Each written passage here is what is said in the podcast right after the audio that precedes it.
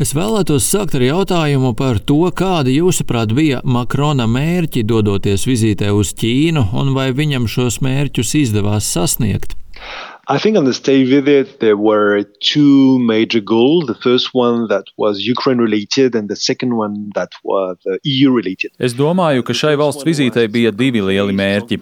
Pirmais no tiem bija saistīts ar Ukrainu, bet otrais ar Eiropas Savienību. Pirmais bija nodot spēcīgu signālu par Ukrainu un varbūt nevis mainīt Ķīnas pozīciju, bet nodrošināt, ka Ķīna nemaina savu pozīciju īpaši jautājumā par ieroču piegādi Krievijai. Otrajā gadījumā mērķis bija nodot ziņu par Eiropas Savienības vienotību, tādēļ prezidents nolēma ielūgt līdzi Eiropas komisijas prezidenti Urzulu Fonderlejienu. Tāda pati ideja bija 2019. gadā, kad Ķīnas prezidents Sīdziņpins apmeklēja Parīzi un tika ielūgta kanclere Merkele un komisijas prezidents Junkers. Tas tika darīts, lai demonstrētu Eiropas vienotību un nodotu vēsti, ka Ķīna nevar sašķelt eiropiešus. Šajos divos aspektos nebija lielu panākumu, bet tā arī nebija izgāšanās tādā ziņā, ka daļa ziņu par Ukrainu tika nodotas. Ķīnas pozīcija nemainījās, bet bija reālas gaidas, ka to var sagaidīt. Otrā aspektā kopējā tikšanās pati par sevi bija panākums, un pat tas, ka Ķīna centās sašķelt eiropiešus, pat tas, ka protokols, kas tika noteikts Makronam un Lejenai, atšķīrās, nenozīmē, ka vizīte būtu bijusi pilnīga izgāšanās. Kā jau minējāt, Makronam uz Pekinu līdz devās arī Eiropas komisijas prezidente. Cik jūsuprāt, Lejenas un Makrona viedokļi saka? Sakrīt tajā, kādām jābūt Eiropas attiecībām ar Ķīnu. It's actually quite paradoxical because uh, von der Leyen does not represent the member states. She represents the, the 27. Vispār tas ir paradoxāli, jo Lejena būtībā nepārstāv dalībvalstis. Viņa pārstāv 27 valstu bloku. Lejenas viedoklim reizē vajadzētu būt arī kopējam viedoklim. Kad centies novirzīties no kopējā Eiropas Savienības viedokļa, rodas problēma. Jo tev vajadzētu atbalstīt visu, ko saka Lejena. Viena lieta ir ņemt līdzi biznesa delegāciju uz Ķīnu, un neviens arī nevaino Makronu par sadarbību ar Ķīnu un par delegācijas ņemšanu līdzi kā tādu, bet ir jābūt saskaņotībai. Ja tu runā par riskiem, tas nenozīmē izbeigt tirgošanos ar Ķīnu pavisam. Tas nozīmē tirgoties vairāk ar visām valstīm, lai diversificētu un mazinātu atkarību no Ķīnas. Bet tā īsti nav tā ziņa, ko mēs no Makrona sadzirdējām. Galu galā ir Lējena, kura it kā ir spēcīga un pārliecinoša, skaidrojot, ka Ķīna ir mainījusies un ka mums ir jāmainās, lai pasargātu sevi. Un tad ir Makrons ar saviem izteikumiem, kas uz to visu liek daudz mazāku uzsvaru. Un ir divas balsis. Viens sliktais, viens labais policists, un tas dienas beigās nav labi, ja runājam par Eiropas Savienības vienotības demonstrēšanu. Uh, in terms of displaying EU unity. Jau pieminējāt šīs atšķirības protokolā, proti, cik atšķirīga bija Makrona un Lejenas uzņemšana Pekinā. Vai šis ir vēl viens veids, kā Ķīna cenšas šķelt Eiropu un parādīt to, kurš tai ir nozīmīgāks līderis? I mean, is China trying to divide Europeans? For sure. Vai Ķīna cenšas sašķelt eiropiešus? Protams, vai Ķīna cenšas nosūtīt ziņu, ka tai nerūp lejiena un viņiem tā nešķiet tik svarīga? Protams, bet šeit ir pāris lietas. Ir jautājums par protokolu. Makrons bija valsts vizītē, tāpēc tas ir normāli, ka Ķīna viņu uzņem citādāk nekā lejienu. Protokola ziņā tas ir normāli. Tāpēc tas bija atkarīgs no mums, eiropiešiem, par spīti šīm uzņemšanas atšķirībām, parādīt vienotību, un Makrons noteikti varēja to izdarīt labāk. Ņemiet par piemēru Elizejas pils publicēto video pēc vizītes. Tajā ir vien pāris sekundes, kurās ir redzama lejiena.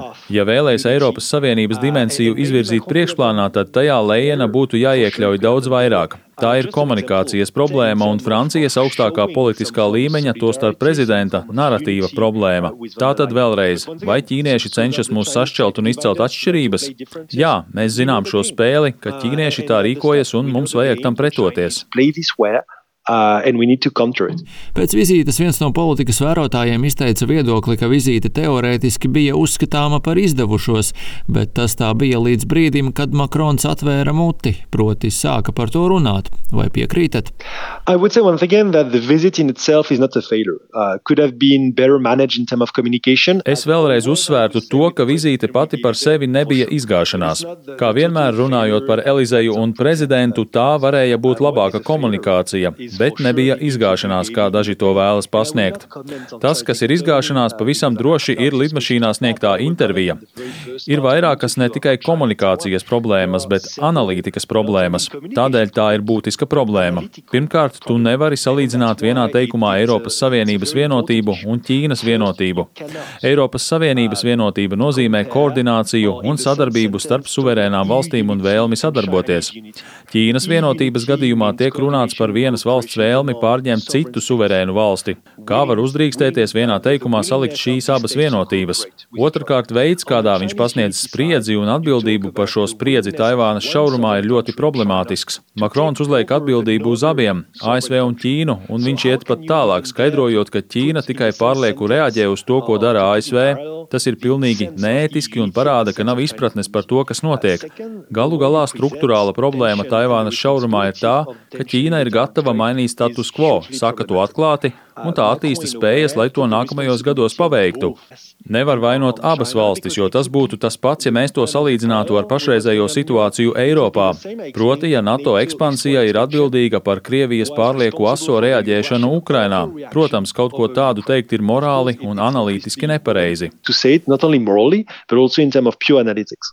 Makrons sacīja, ka Eiropai jābūt trešajai varai pasaules kārtībā līdzās ASV un Ķīnai. Kā jūs izprotat to, ko Makrons saprot ar Eiropas strateģisko autonomiju un cik liela autonomija šī brīža ģeopolitiskajos apstākļos, jūsuprāt, Eiropai vispār ir iespējama?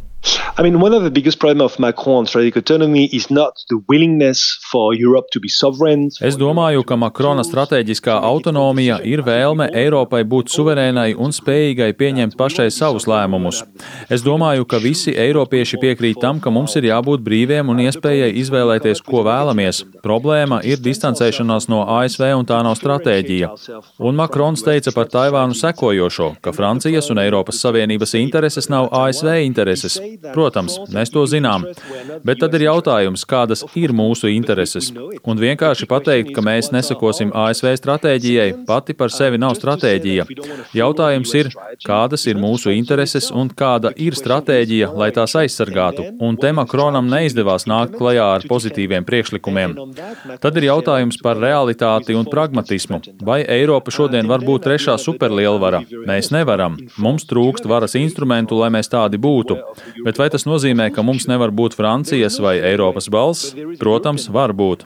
Tas ir tas, uz ko Makronam ir jākoncentrējas. Nevis jādefinē, kas nav ASV ceļš, bet jādefinē, kas esam mēs, par ko iestājamies mēs, kādas ir mūsu intereses un kāda ir mūsu identitāte, vērtības un pievienotā vērtība. Un tas ir neprātīgi, ko viņš pieminēja, vismaz attiecībā uz Taivānu. Runājot par Taivānu, Makrons izteicās, ka nevēlētos, lai Eiropa tiktu ierauta ierauta svešās krīzēs. Cik tūs vai tāls Eiropai, jūsuprāt, ir notiekošais Indijas klusā okeāna reģionā? I would say there are two things. Do we want to be through Es teiktu, ka te ir divas lietas. Vai vēlamies tikt ierauti krīzē pret mūsu gribu? Protams, ka nē. Mēs nevēlamies, lai sākas karš un Eiropiešiem tajā jāpiedalās. Bet vai varam būt droši, ka liela krīze Taivānas šaurumā neradītu sekas Eiropā un varam no tā distancēties? Protams, ka nē. Tādēļ tas izklausās tik nesakarīgi ar visu, par ko Francija iestājusies pēdējos daudzus gadus. Kas bija galvenā Eiropas valsts, kas centās pārliecināt pārējās Eiropas valstis par Indijas klusā okeāna reģiona nozīmību un nepieciešamību pēc stratēģijas tajā? Tā bija Francija, kuri centās pārliecināt Eiropiešus, ka krīze Āfrikā ietekmē Eiropas drošību un Eiropiešiem ir jādara vairāk. Tā bija Francija. Tu nevari intervijā lidmašīnā teikt, īpaši lidojot prom no Ķīnas, ka tā nav mūsu krīze un kritizēt ASV. Protams, mums nevajag pieliet eļļu ugunī, un neviens to nevēlas, bet jautājums ir, kā novērst krīzi. Un tas ir tas, kas trūkst šajā intervijā. Viņš publiski nepasaka, lai gan Francija paziņojumos to norāda, ka Francijas intereses, tāpat kā Eiropas Savienības intereses, ir uzturēt stabilitāti Taivānas šaurumā. Rodas jautājums, kā Francijas prezidents vienkārši nevar pateikt, ka viņa un viņa valsts intereses ir uzturēt stabilitāti Taivānas šaurumā, pat ja Francija ir parakstījusi deklarāciju, kurā to apliecina, un uz šaurumu ir nosūtījusi karakuģus. Vai un kā Makrona izteikumi var graut ASV ASV un Japānas centienus savaldīt Ķīnu Taivānas jautājumā. Sure, Noteikti, ka šiem izteikumiem ir negatīva ietekme. Tas vājina Ķīnas atturēšanu. Neviens nesaka, ka Eiropa ir priekšējās pozīcijās Ķīnas atturēšanā. Mēs esam tikai daļa no tā un neesam lielais spēlētājs. Lielie spēlētāji ir ASV, Japāna un pati Taivāna. Bet Makrons netieši norāda, lai gan varbūt viņš tam nemaz netic, ka Eiropa neko nedarītu un varētu būt neitrāla.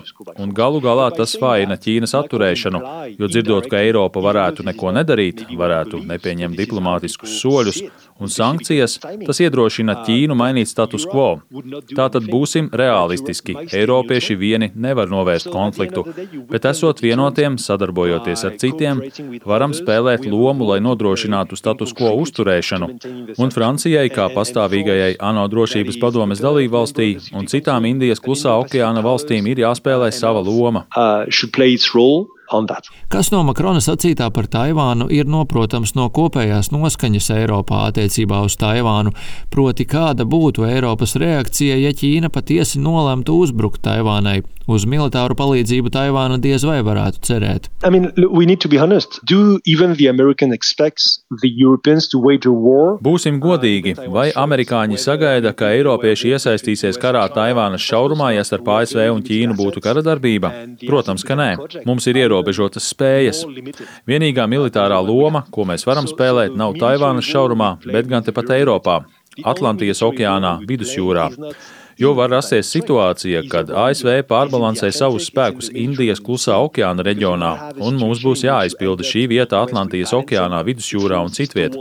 Tātad mūsu reakcija nebūtu militāra, tā būtu visticamāk diplomātiska un ekonomiska. Un atgādināsim Eiropiešiem, ka pat ja Ķīna neiebruktu Taivānā, bet tikai to bloķētu, tam būtu ārkārtējas sekas, un aprēķināts, ka ekonomiskās izmaksas sasniegtu divus triljonus dolāru. Lielas krīzes gadījumā uz Eiropas drošību un labklājību tiktu atstāta tik liela ietekme, ka ideja, ka varam distancēties un ka mums nebūtu jādara viss iespējamais, lai saglabātu status quo, noteikti ir kļūda. Vai kopumā var teikt, ka Makrona izteikumi sabiedrotajos Eiropā un otrpus okeānam patiesi ir radījuši apjukumu, vai arī tas savā ziņā nav nekas ļoti negaidīts, ņemot vērā, ka Makrons jau iepriekš ticis kritizēts par dažādiem šādiem izteikumiem, piemēram, par NATO smadzeņu nāvi. I would say that the statement of the president is, is worth Es teiktu, ka prezidenta paziņojums ir sliktāks par šo paziņojumu par smadzeņu nāvi. Izteikums saistībā ar NATO bija veids, kā būt provokatīvam un mēģināt eiropiešus piespiest darīt vairāk alianses ietvaros. Bet kur ir jēga teikt, ka krīze ir ASV vaina un Ķīna vienkārši pārspīlē? Kur ir jēga salīdzināt Eiropas Savienības vienotību un Ķīnas vienotību? Kur ir jēga teikt, ka tā nav mūsu krīze? Tas nav, lai provocētu, tas ir, lai parādītu savu personīgo iespaidu, ko viņš uzskata par analīzi. Es teiktu, ka tas ir sliktāk par smadzeņu nāves izteikumu. Kas bija likt uz likmes Makrona vizītē? Tās nebija divpusējās attiecības. Tas pat, diemžēl, nebija Ukrainas liktenis. Tas bija Francijas tēls un loma Indijas klusā okeāna reģionā un pasaulē kopumā. Un tas, ko Makrons ir izdarījis ar šo nevajadzīgo interviju, viņš ir vājinājis Francijas tēlu un lomu pasaulē un iedvesis neskaidrību, jo tas, ko pateica viņš, un tas, ko Francija parakstīja un ko tā katru dienu dara šajā reģionā un Eiropā, ir diezgan atšķirīgs.